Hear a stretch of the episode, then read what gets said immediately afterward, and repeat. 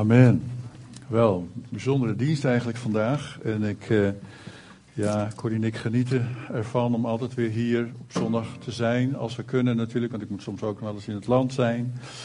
Uh, ergens anders. Maar we waren hier het hele weekend. Dus we konden vannacht ook ergens logeren. Van, geweldig, gisteren genoten, gistermorgen. Iets uitgelegd over uh, eigenlijk de, de pilaren van het gemeente zijn. En dat hebben we eigenlijk uh, gebaseerd ook op uh, vier hele belangrijke beloften die God aan Mozes gaf hè, voor het volk van Israël. Maar wij zijn natuurlijk geënt in Israël, dus die beloften zijn ook voor ons. En uh, toen de Heer Jezus eigenlijk op die eerste, of op, op die eerste avond van het paasfeest met zijn discipelen bijeen was, en hij hen eigenlijk ook voorbereidde op paas en ook wat er gebeuren uh, zou, wat zou gebeuren. Hij zou gaan sterven aan het kruis op Golgotha. En hij zou ook daarvoor ja, de zonde, onze zonde, het offer brengen. Toen was het eigenlijk dat, ja, de Pesachmaaltijd, zoals dat dan heet. De paasmaaltijd, zoals de Joden altijd met elkaar hadden. Met, met, met Pesach, met Pasen. Waarin ze eigenlijk de uittocht van Egypte met elkaar herdachten. En dan hadden ze vier bekers. En heb ik gisteren ook uitgelegd dat bij elk van die bekers hoorde een belofte van God. En die belofte van God is natuurlijk niet veranderd. Die belofte van God is via het volk van Israël, door Jezus, ook een belofte geworden voor ons. En eigenlijk heeft het te maken met, ja, met de vier grote pijlers van het christen zijn en het gemeente zijn. Dus op die avondmaalstafel daar waren meerdere bekers. En als je dus leest in Exodus, uh, dan lees je daarover dat God aan Mozes dus een aantal dingen belooft. Zoals bijvoorbeeld, ik zal jullie redden. Ik heb jullie, ik heb jullie problemen gezien in Egypte, ik zal jullie redden. Dan zien we ook dat dat in de Heer Jezus Christus voor ons in vervulling is gekomen. Ik zal jullie bevrijden van die slavernij. Maar als je gered bent, als je de Heer Jezus Christus hebt leren kennen, dan zit vaak nog het oude Egypte in ons hart. Dan zijn we wel gered voor de eeuwigheid. We zijn eigendom geworden van God. Maar we worstelen nog met een aantal issues in ons leven. Dat doen we eigenlijk de rest van ons leven nog wel, hier op aarde. Maar God heeft er toch een belofte aangegeven. Ik zal jullie vrij maken. En dan komt eigenlijk de derde beker van die Pesachmaaltijd.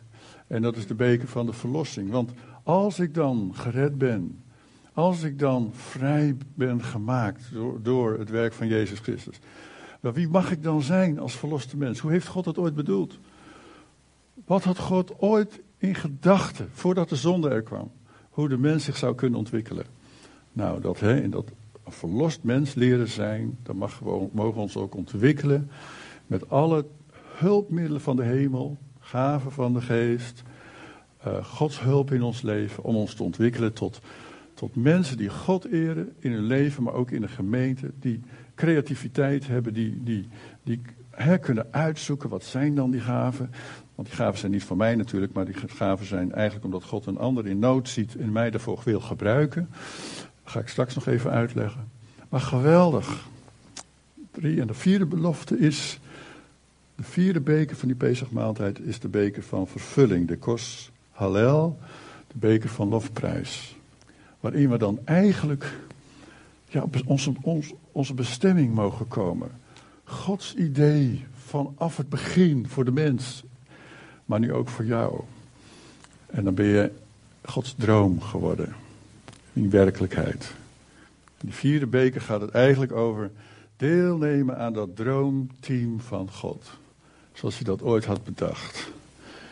Geweldig hè? Nou, toen de Heer Jezus dus bij die Pesachmaaltijd, de eerste avond van paasfeest, nog een beker nam. Of een van de bekers die daar stond, want ze namen allemaal een klein slokje ervan. Toen zei hij, en ik lees het in Lucas 22, vers 20, ook als inleiding tot onze viering van het heilige avondmaal op dit moment. Zo nam hij na de maaltijd ook de beker en zei: deze beker, die voor jullie wordt uitgegoten, is het nieuwe verbond. Dat door mijn bloed gesloten wordt. En ze begrepen toen nog niet dat hij zou gaan sterven aan het kruis op Golgotha. Begreep ze toen nog niet. Maar hij probeerde het hun uit te leggen. Hij zegt, ik heb afspraken gemaakt in het verleden. God, mijn vader, heeft afspraken gemaakt met het volk van Israël. Belofte. En nu komt er een nieuwe afspraak. Betekent dat die oude afspraken er dan niet meer zijn? Nee, die zijn er nog steeds. Maar hij zegt, er komt nu een nieuwe afspraak. Een nieuwe belofte, een nieuw verbond. Maar nu door mijn bloed. Dat alle mensen die de Heer Jezus ontvangen in hun leven als hun persoonlijke redder en verlosser, behoren bij dat verloste volk, dat geredde volk, dat bevrijde volk, dat volk wat in vervulling mag leven voor God, mogen daartoe behoren. Jood of heiden. En wij zijn uit de heidenen voorgekomen, de meeste van ons. Geweldige. En dat gaan we van, vanmorgen weer vieren. Als wij deelnemen aan het avondmaal, dan zijn daar bekertjes. Er is er ook brood. Een beeld ook van het verbroken lichaam van Christus. En uh, matzes, ongezuurd brood. Dan mag je daar deel aan nemen. Als je de Heer Jezus kent in je leven, je weet dat je leven door Hem gered is. Dat je zijn eigendom bent. Dan heten we je welkom om deel te nemen aan deze maaltijd des Heren. Waarin we even weer met elkaar stilstaan bij die afspraak. Dat wij een deel zijn geworden van het grote gezin van God. Door Jezus. Amen. En uh, ik zou zeggen van laten we een moment stil zijn. En daarna mag je uit de rijen komen. Een stukje brood pakken. En ook uh, de beker. Gaan we terug naar je plaats. En dan gebruiken we het zo meteen gezamenlijk. Oké? Vader, ik vraag een zegen over deze viering van het heilige avondmaal. Heer, als we denken aan het moment waarin u met de discipelen daar was, de eerste avond van het paasfeest, waarin het gewoon was om terug te denken aan de verlossing en de bevrijding uit Egypte van, van de slavernij. Heer, wij vieren de verlossing, de bevrijding vanuit de macht en ook de gevangenis, de, versla, de verslaving van de zonde. Heer, we zijn vrijgemaakt door het bloed van de Heer Jezus Christus. En dat gaan we vanmorgen vieren met elkaar. We denken aan het lichaam van de Heer Jezus, wat werd verbroken op het kruis van Golgotha. Als een offer voor ons. Heer, wij willen dat tot ons nemen in deze, in deze symbolen. Wilt u het zegenen, Heer, zodat het ons tot, tot zegen mag zijn. In de naam van Jezus. Amen. Ik zou zeggen, laten we gaan staan. Kom uit de rijen. Neem een stukje brood. Neem ook uh, een bekertje.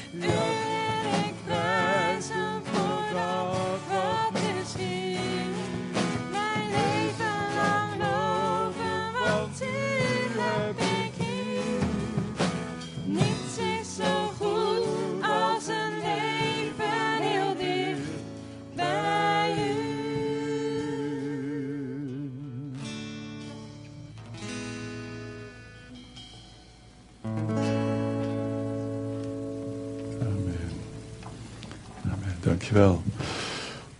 Zullen wij het brood even opheffen? Dank u, Heer Jezus, dat u uw lichaam gaf aan het kruis op Golgotha. Het is verbroken, maar het is ook een beeld van, van eenheid. We zijn verbonden met elkaar. Wij zijn uw lichaam nu hier op aarde, het geestelijke lichaam van Jezus Christus, omdat u in onze harten leeft en in onze levens leeft. En dank u dat we dat ook mogen gedenken voor morgen, Heer, in dit brood. Wilt u het zegen als we tot ons nemen in de naam van Jezus.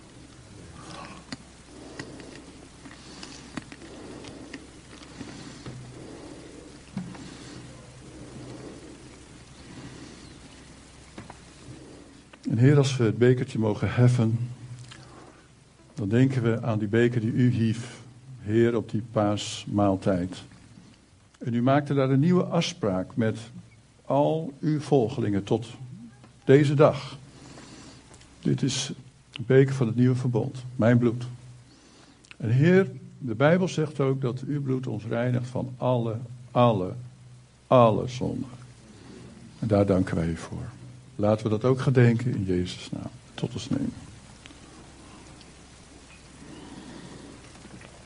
Prijs God. Ja. Had je nog een? Wil je nog een keer? Oké, dank je. Ik ben zo bijzonder blij voor uh, onze muziekgroepen elke keer. We beseffen niet uh, hoeveel tijd deze mensen erin steken. We beseffen ook niet eigenlijk hoeveel tijd de mannen van het geluidteam erin steekt. Ik weet niet hoe laat u s morgens, zondagmorgen al actief bent, maar deze jongens zijn al heel vroeg actief. Fantastisch. Acht uur of zoiets, kwart over acht, zijn ze hier al bezig. En nadat wij, als wij straks koffie gaan drinken, zijn zij nog bezig. Elke keer moeten we dat opbouwen, afbreken. Maar dat is wat het gemeente zijn met elkaar betekent. Ieder draagt zijn stukje bij. En daar zijn we heel blij mee en ook heel trots op. Als u vanmorgen te gast bent, vanmorgen hopen we echt dat u zich thuis voelt. Dit is een, een, een gemeente met passie. Dat heeft u wel gemerkt. Hè? Met het zingen, met samen God zoeken, aanbidden. En omdat wij vanuit onze tenen, van, met ons hele hart, God lief hebben. En hem dat ook willen laten weten. Amen. En ik hoop dat u zich daarbij thuis gaat voelen. Dat u zegt van wauw. Hier gaat het echt over. Niet alleen maar een buitenkant, maar iets met inhoud. Waar wil ik het vanmorgen over hebben? Twee weken geleden was het Pinksteren en sprak ik natuurlijk over de betekenis van Pinksteren, ook wat er gebeurde op Pinksteren zo'n 2000 jaar geleden. Natuurlijk, Pinksterfeest was het normale Joodse feest van de oogst. Maar de heer Jezus had tegen zijn discipelen gezegd: Ik zal de Vader bidden dat hij zijn belofte over jullie uitstort, dat jullie die belofte mogen ontvangen, de toerusting van de Heilige Geest. En zij werden op die Pinksterdag, 2000 jaar geleden ongeveer, werden zij gedoopt met de Heilige Geest. Een andere doop dan doop in water. Dit was een toerusting vanuit de hemel. In hun hart, in hun geest, maar ook in hun leven, zodat zij bruikbaar zouden kunnen zijn voor God. Maar dat ze ook toegerust zouden worden in, ja, in alle kanten van ons leven, van ons zijn, waar wij tekort komen. Vanmorgen wil ik daar een stapje verder in gaan. En ik lees uit 1 Korinthe 12 vanaf vers 4. Waarin de apostel Paulus zegt tegen de gemeente te Korinthe. Hij zegt, er zijn verschillende gaven. Maar er is één geest, de geest van God. Hè? Er zijn verschillende dienende taken, dat kennen we hier ook in de gemeente. Maar er is één Heer. Er zijn verschillende uitingen van bijzondere kracht. Maar het is één God die ze allemaal en bij iedereen teweeg brengt. In iedereen is de geest van God zichtbaar aan het werk ten bate van de gemeente. Oh, dus als Gods geest door mij heen werkt, is het niet eigenlijk alleen maar voor mezelf. Maar is het eigenlijk ten bate voor de gemeente. En ook Gods bedoeling met de gemeente. Aan de een wordt door de geest het verkondigen van wijsheid geschonken. Aan de ander door diezelfde geest het overdragen van kennis. De een ontvangt van de geest een groot geloof. En de ander de gave om te genezen. En weer anderen de kracht om wonderen te verrichten. Om te profiteren. Om te onderscheiden wat wel en wat niet van de geest afkomstig is. Om in klanktaal te spreken. Of om het juist uit te leggen. Wat daar de betekenis van is. Al deze gaven worden geschonken door één en dezelfde geest. Die ze aan ieder afzonderlijk toebedeelt, zoals, zoals hij dat wil. Vader in de hemel, dank u wel dat wij vanmorgen zo bezig mogen zijn met u, met uw plan, met uw bedoeling. En dat allemaal mogen putten uit uw woord. Wilt u ons vanmorgen zegenen? In Jezus' naam. Amen.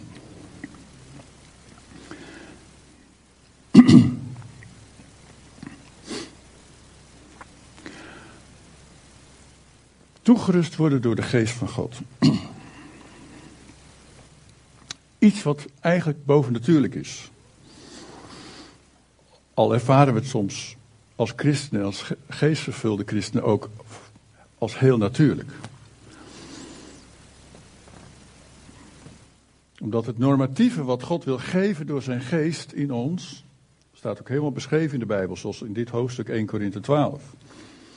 Eigenlijk is dat standaard als het ware beschikbaar voor alle christenen die de Heer Jezus kennen, maar die ook openstaan voor die toerusting en de werking van de Heilige Geest.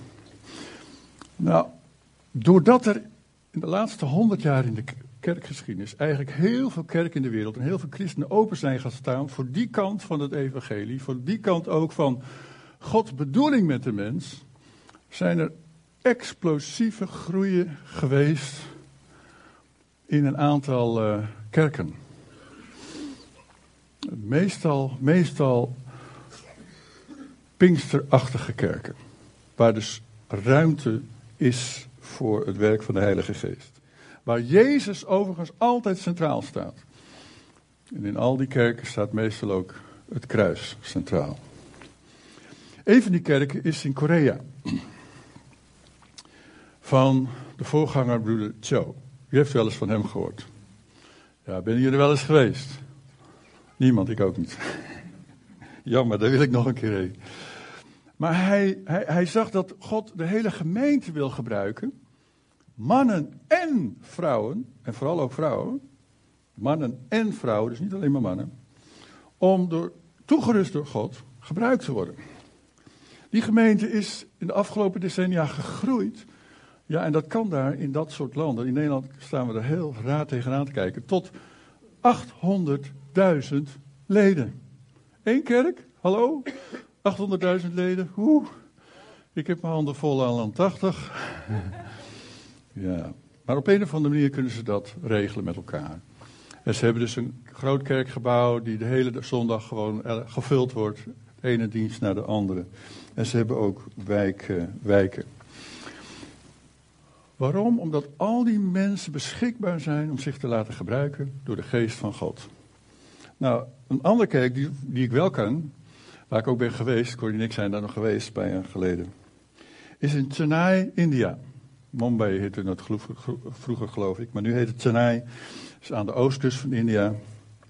En de voorganger David Mohan, hij is een, hele lieve man.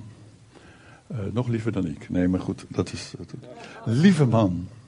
En uh, ik ben dus geweest in dat gebouw, Chennai, dus in India. En dat is eigenlijk een heel groot pand met, met vier verdiepingen. Met hele grote vloeren erin die eigenlijk leeg staan met zuilen. En op zondagmorgen zijn er vier diensten waarin in elke verdieping 2.500 mensen bij elkaar komen. Dus beneden 2,5, daarboven 2,5, 2,5. 10.000 mensen op hetzelfde moment. En dat doen ze vier keer. Hoe kan dat? Wat is dat? Wat gebeurt daar? Is die man zo'n geweldige voorganger, predikant, dominee? Of zijn die mensen open voor het werk van de Heilige Geest in hun eigen leven, zodat God hun allen kan gebruiken tot opbouw? Waar is het voor? Tot opbouw van het lichaam. Tjenai. Geweldig, we zijn er geweest. Het leuke was als die gemeente dus wisselt van de ene dienst naar de andere, dan wordt dus de hoofdstraat ervoor, is een dubbele hoofdweg, wordt dus helemaal stopgezet. Want als er natuurlijk 10.000 mensen naar buiten stromen en die moeten naar de overkant zijn, dat is uh, heel gevaarlijk. Dus dan wordt gewoon, hebben ze verkeerspolitie ingehuurd en worden gewoon de straten afgezet. Zodat de gemeente eruit kan en daarna vult het weer, vier keer op zondag. Mensen die verlangen naar God en verlangen naar meer van God. Veranderde levens. Die getuigenis geven van wat Jezus in hun leven gedaan heb, heeft.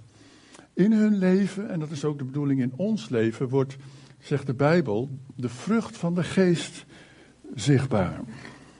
Want als de Gods geest in ons woont, in ons werkt, dan veranderen we. Dan gaan de scherpe kantjes er ook af. Van ons eigen, eigen wijsheid. En ons eigen lastige ik. En waarom is dat nodig? Niet voor onszelf, maar omdat we in aanraking komen met andere mensen. En die andere mensen hebben God nodig. En hoe kunnen we ze nou naar God toe helpen? Als zij afgeschikt worden, als zij door die scherpe kantjes van ons leven schrikken. En de Heilige Geest helpt ons dan om te veranderen. En de vrucht van de Geest noemt de Bijbel dat wordt dan zichtbaar. Die vrucht van de geest is niet voor ons om, om, om lekker van te eten. Maar als andere mensen met ons in contact komen. En ze proeven iets. Iets bijzonders. Dan is dat de vrucht van de geest waar ze aan proeven. En, en gelukkig is dat dus niet van mijn vermogen afhankelijk. Want zo'n vermogen heb ik niet. Maar Gods geest kan dat wel in mij uitwerken. Gods geest kan mij veranderen. Wel, um, ik geloof dat een groeiende en vruchtbare gemeente, een gemeente is vol van mensen die weten hoe ze mogen leven vanuit die kracht van God. Vanuit die praktische kracht en toerusting van God door de Heilige Geest. Het woord kracht wordt in de Bijbel vaak gebruikt, vooral in het boek Handelingen. Het boek eigenlijk waar de eerste gemeente wordt uitgelegd wat er allemaal gebeurde betekent dynamisch in het, of het, woord in het Grieks is dynamisch. En het betekent vermogen. Vaardigheid. Maar mijn vermogen en vaardigheid schiet soms tekort. Wie heeft er ook wel eens last van? Haha, gelukkig ben ik niet alleen. Fantastisch. Maar de Heilige Geest helpt mij, tilt mij boven mijn eigen beperking uit. Om een zegen te worden voor andere mensen. Nou, elk mens is uniek. U en ik zijn allemaal anders, gelukkig maar. En we worstelen allemaal met onze eigen unieke, verschillende zwakheden. En de Heilige Geest kent ons hart, die kent onze motieven, die kent onze zwakheden. En als wij afhankelijk willen zijn van God en van de Heer Jezus en ook van dat werk van de Heilige Geest wat constant in ons werkt, dan wilt Hij helpen om met onze uniekheid in Zijn gehoorzaamheid te gaan leven. Die hulp, dat vermogen, die vaardigheid die wij dan nodig hebben, wordt ons geschonken in de Heilige Geest. Daarom wordt in Johannes 14 dat ook wel genoemd. Hij is de helper. Ik zal de Vader bidden dat Hij de helper zal sturen, de Heilige Geest. Hij die ons zal helpen om zo te leven voor God dat we een zegen mogen zijn voor andere mensen. En we hebben dat nodig elke dag van ons leven. Um, die hulp die wij krijgen is niet alleen voor ons. Sommige mensen denken, ik heb de toerust en kracht van de Heilige Geest nodig voor mezelf. Um, ja, maar eigenlijk was het zo niet helemaal bedoeld. Het was een toerusting, zodat wij tot zegen kunnen zijn van een ander. Waarom groeien die gemeenten in Chennai en, en Korea, Seoul-Korea, zo spectaculair? Niet omdat ze zo'n slimme voorganger hadden. Helemaal niet. Maar omdat de hele gemeente toegerust wilde worden door de Heilige Geest en beschikbaar wilde zijn aan de Heilige Geest om een zegen te worden voor andere mensen. Ik heb drie jonge mensen die mij vanmorgen even gaan helpen om daar uitleg aan te geven. En dat zijn Dana, Lisa en uh, Rick van der Meer. Kom er even naar voren.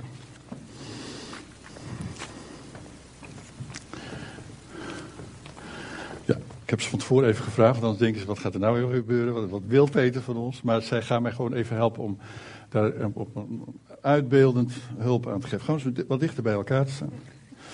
Nou, stel je nou voor dat... Uh,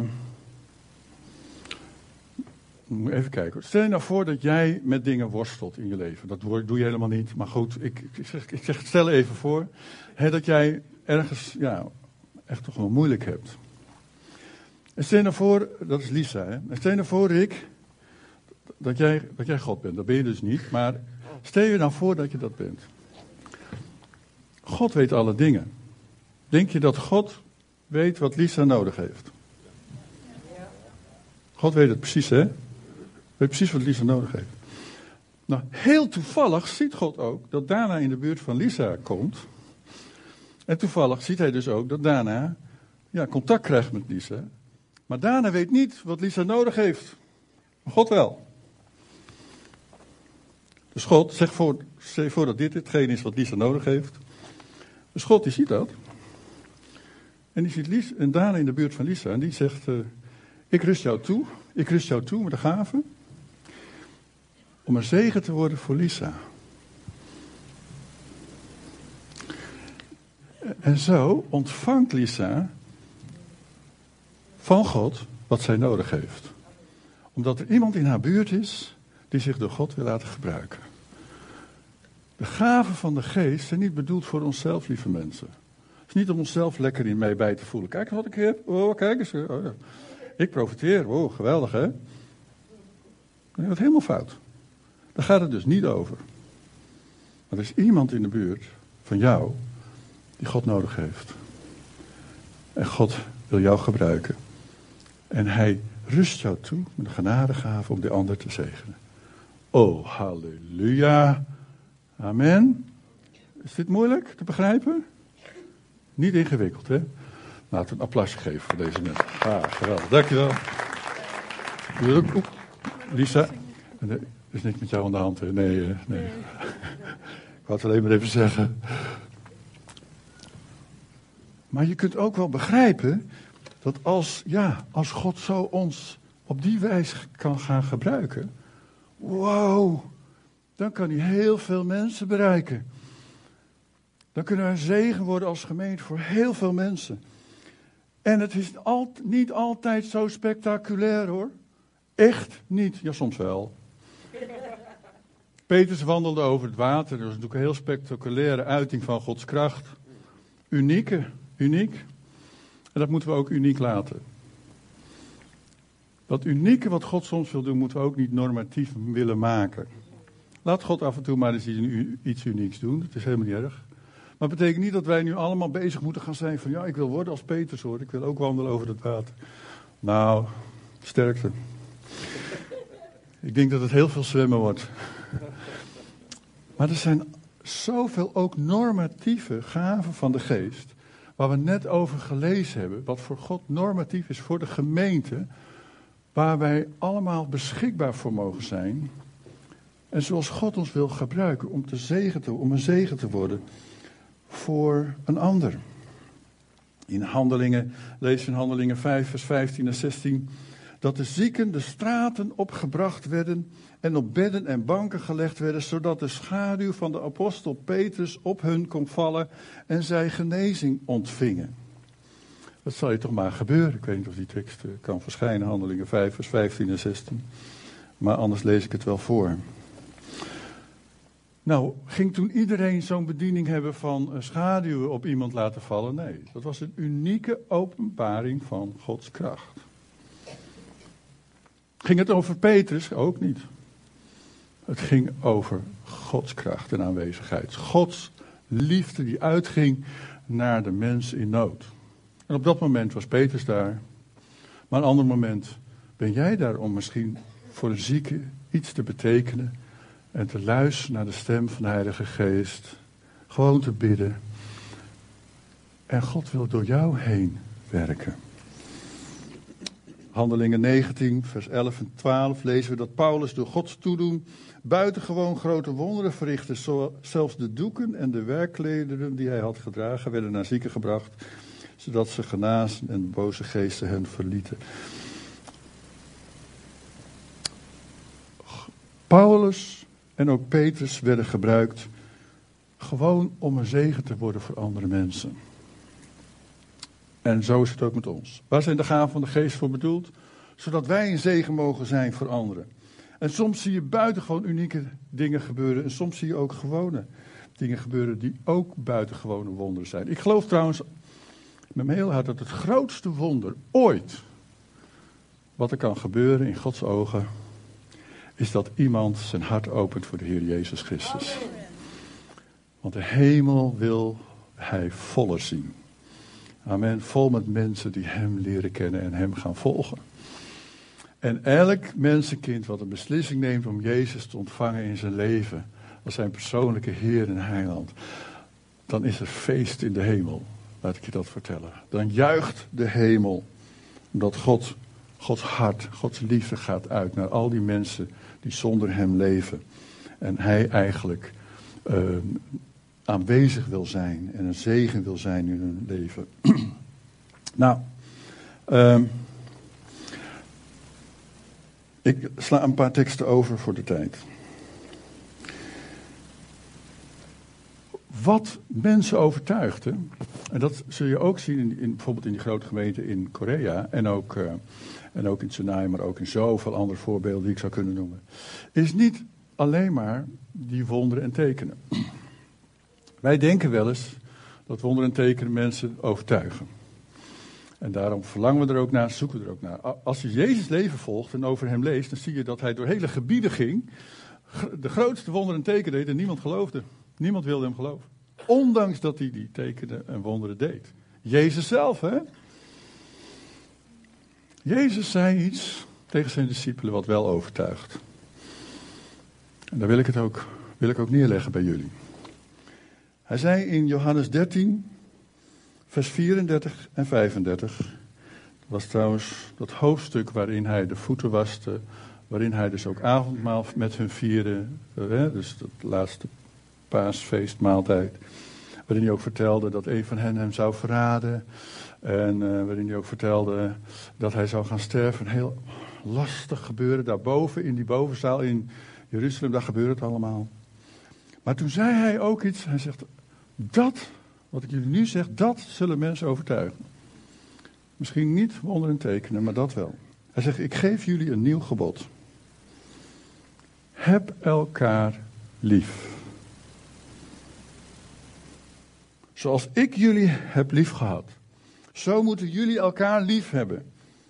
Want aan jullie liefde voor elkaar zal iedereen zien dat jullie mijn leerlingen, mijn volgelingen zijn.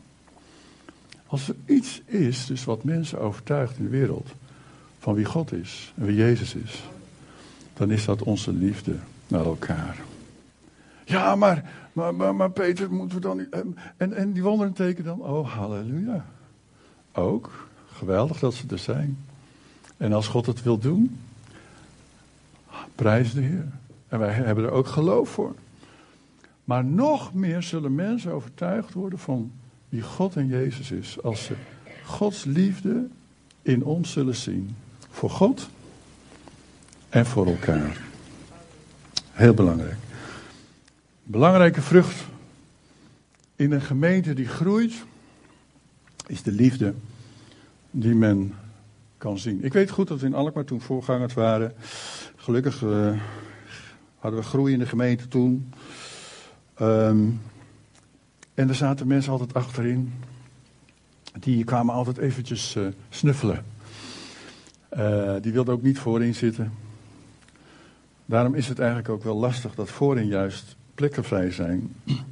Want als mensen gewoon hier voor het eerst binnen zouden komen en achterin geen plek zouden kunnen vinden, dan is het heel vervelend als ze hier voorin zouden moeten zitten. Dus het is ook wel erg handig, misschien als gemeente, gemeente, dat we misschien de stoelen van voor vullen, zodat mensen die hier voor het eerst komen gewoon rustig even achterin kunnen gaan zitten. En ongestoord kunnen luisteren. En ook niet naar voren hoeven te gaan. En het is voor mij ook wel heel aardig als deze rijen ook vol zouden zitten. Hè? Maar goed, hier zitten nu de engelen. Halleluja. Maar daarin zouden we als gemeente ook ons zullen kunnen, daarin kunnen we ons ook richten op de gasten die komen. Hè? Gewoon lekker een plekje geven waar ze veilig voelen. Achterin, misschien moeten achterin gewoon twee rijen even een beetje vrij houden. En de heer van voren de zaak vullen. Willen jullie mij helpen? Mag ik even weten wie mij wil helpen? 1, 2, 3. Ik, uh, genoeg mensen om deze stoelen te vullen. Dankjewel. En anderen ook. Erg belangrijk. uh, een van de, van de vruchten die God ook door zijn geest in ons wil leven, geven, is, is, is motivatie. Motivatie in het leven. Motivatie om voor Hem te leven. Motivatie is ook een stuk verlangen om voor Hem te leven naar Zijn wil. En uh, Hij beweegt dat en werkt dat uit diep in ons hart om, om, om gemotiveerde mensen met elkaar te zijn. Mensen met passie. Niet passie vanuit enthousiasme. Natuurlijk doen we ook hele leuke dingen met elkaar, hè, toch? Vanmorgen, prachtig om die drie mensen hier te zien. Leuk om dat zo te zien.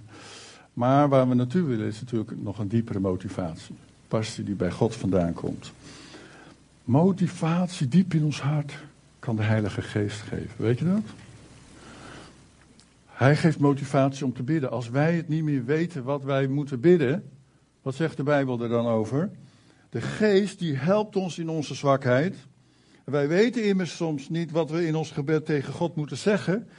Maar de Geest pleit voor ons met woordeloos zuchten. Het is die diepe motivatie die naar God verlangt. En Paulus zegt in Efeze 6 vers 18 ook over, laat u bij het bidden leiden door de geest. Iedere keer dat u bidt, blijf waakzaam en bid voortdurend voor alle heiligen. Dat hoort bij dat stukje wat de Heilige Geest in ons leven wil uitwerken. Toerusting dus, gaaf van de Geest die door ons heen mogen werken. 1 Korinthe 12, uh, ook, ook bedieningen, uh, Romeinen 12, hoe wij samen één lichaam mogen zijn. Efeze 4, hè, hoe we als kunnen functioneren ook als gemeente met elkaar, geleid door de Heilige Geest. Maar ook de vrucht, die verandering in onszelf. Wat zegt Gelaten, uh, Gelaten daarover 5 vers 22? Liefde. Daar waar ik uh, moeite, moeite heb om liefde te tonen, of, wil Hij me daarbij helpen. Hij wil me daarin motiveren. Vreugde, vrede. Allemaal hoort het bij die vrucht van de geest. Geduld, vriendelijkheid, goedheid, geloof, zachtmoedigheid, zelfbeheersing. En dan vraag ik aan jullie, is dat ook niet eigenlijk bovennatuurlijk?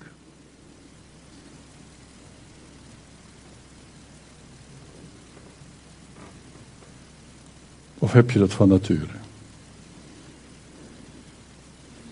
Nou, ik zie sommigen zeggen, nou nee, van nature heb ik dat eigenlijk niet allemaal.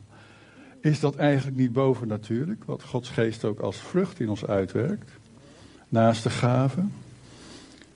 Dat als mensen naar ons kijken en oeh, liefde zien eigenlijk. Bijzonder als ze ons kwaad hebben gedaan. Dat wij dan toch liefde kunnen tonen. En dat ze, dat ze onze vreugde kunnen zien. Te midden van verdriet. Waarom? Omdat dat iets is wat voortkomt uit de Heilige Geest in ons leven. Die, die verandering, die scherpe kantjes die God eraf haalt door de Heilige Geest, die vrucht.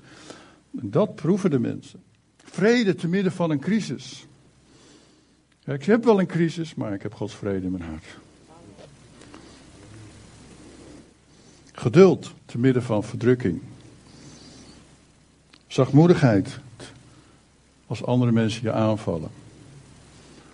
Ja, dat is niet van nature. Van nature hebben we dat vaak niet.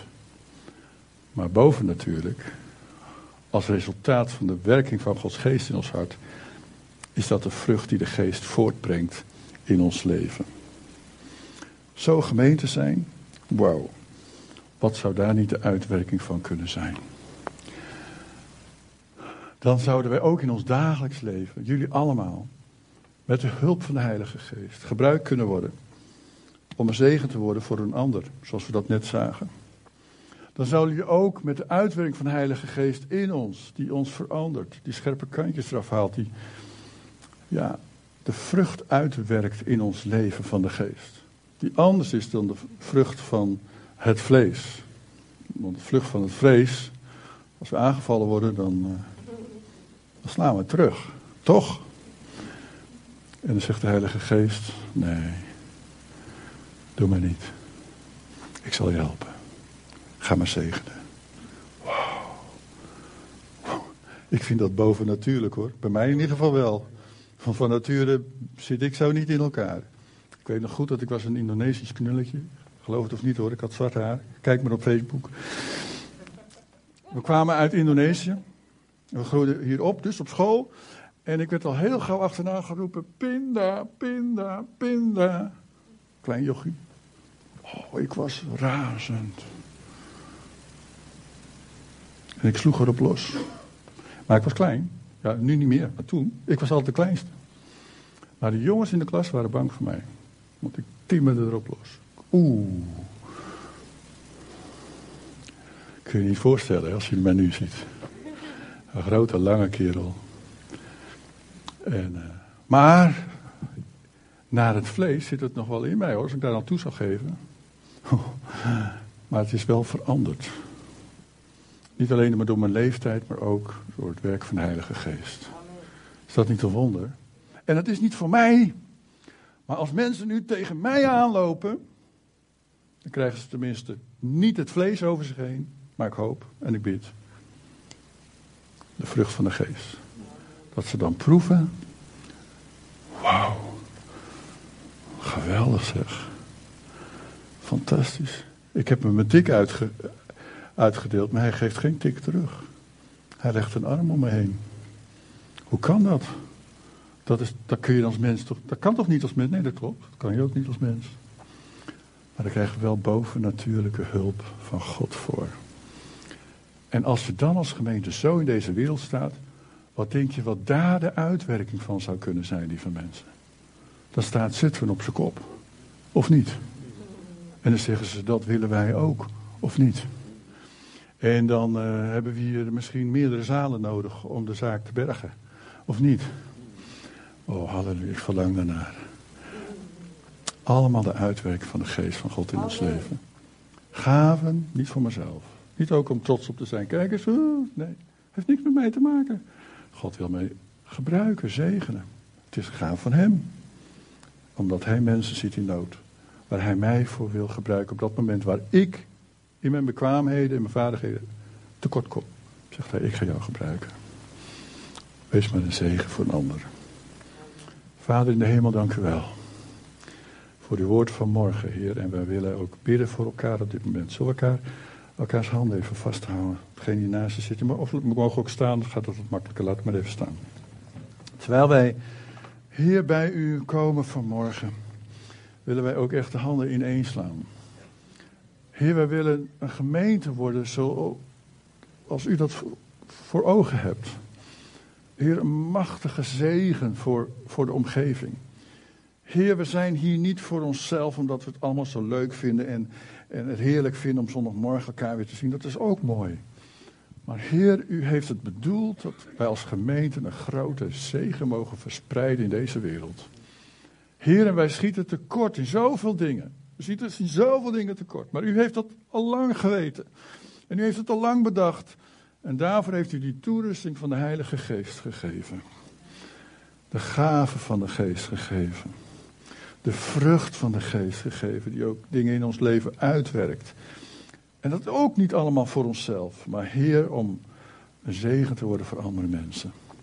Heer, zo bid ik echt een zegen voor ieders leven vanmorgen. Vaders, moeders, echtgenoten, partners. Heer, want daar begint het al heel vaak, in het klein. Heer, daar kunnen we al een zegen zijn voor elkaar. Heer, en daar speelt ook vaak ook het vlees wel een rol. Heer, help ons om in het klein dit te oefenen, te praktiseren, van u afhankelijk te zijn. En wilt u ons leven gebruiken tot zegen van vele mensen. Zegen de gemeente, leef Zutphen, Heer. En help ons om die zegen uit te delen. Als mensen tegen ons aanlopen, Heer, dat ze geen pijn, moeite, gif over zich krijgen of negatief verhaal of negatief geklets.